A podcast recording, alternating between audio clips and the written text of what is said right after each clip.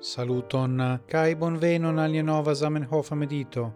Ci vespere presca o cinocte mi volas legi kai mediti kun vi sur uh, gazeta articolo la esperantisto el iaro 1891 kai pli precise mi volas selecti el tiro nel pagio cent tri giuste ecte la comenzo differenzo inter la senso de tia cae tiela estas tie malgranda, che l'ocasoi por tiela estos tre mal oftai, exemple, se brulas granda domo, cae la brulo estas stranga, ien hela, ien subite estingigianta por momento, ien saltanta, cae cetere, ni povus diri, quancam ne necesse, Ciu vi vidis tion brulon, la brulon de tiu ĉi domo? Tian brulon, tiel malgrandan kaj cetere. Mi ofte vidas, sed neniam mi vidis brulon tielan, tia manieran.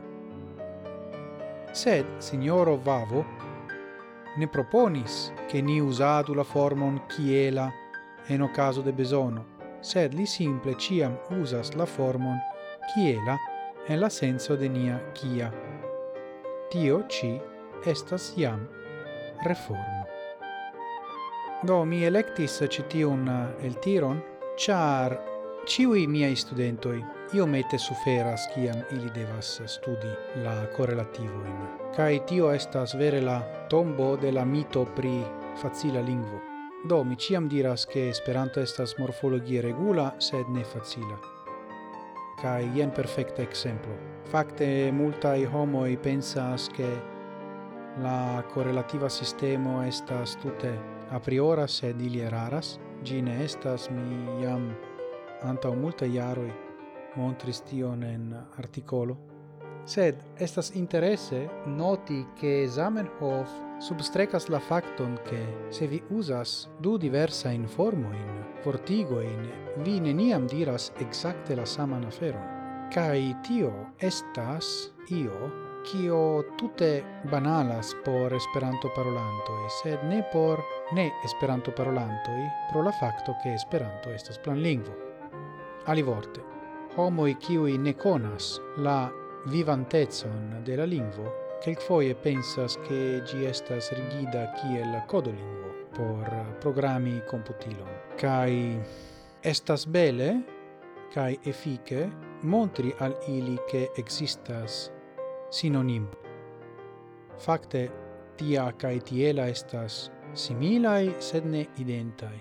Do sinonimo estas uh, afero pri ne diro gusto, char ne existas exacta maniero mesuri la differenzon de uso inter du vortoi. Perfectai tutte inter shangigeblai sinonimoi presca un existas. Eble in Esperanto estas plagio istrando strando aŭ ne multaj alie.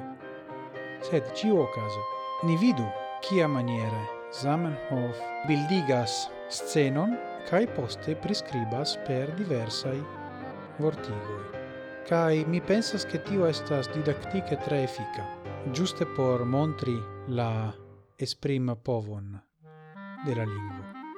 Do mi invitas nin mediti sur la ne nombreblai nuanzoi kiuin ni povas esprimi en Esperanto. Dankon pro via atento, gis morgau kai kiel ciam, antauen sen fine.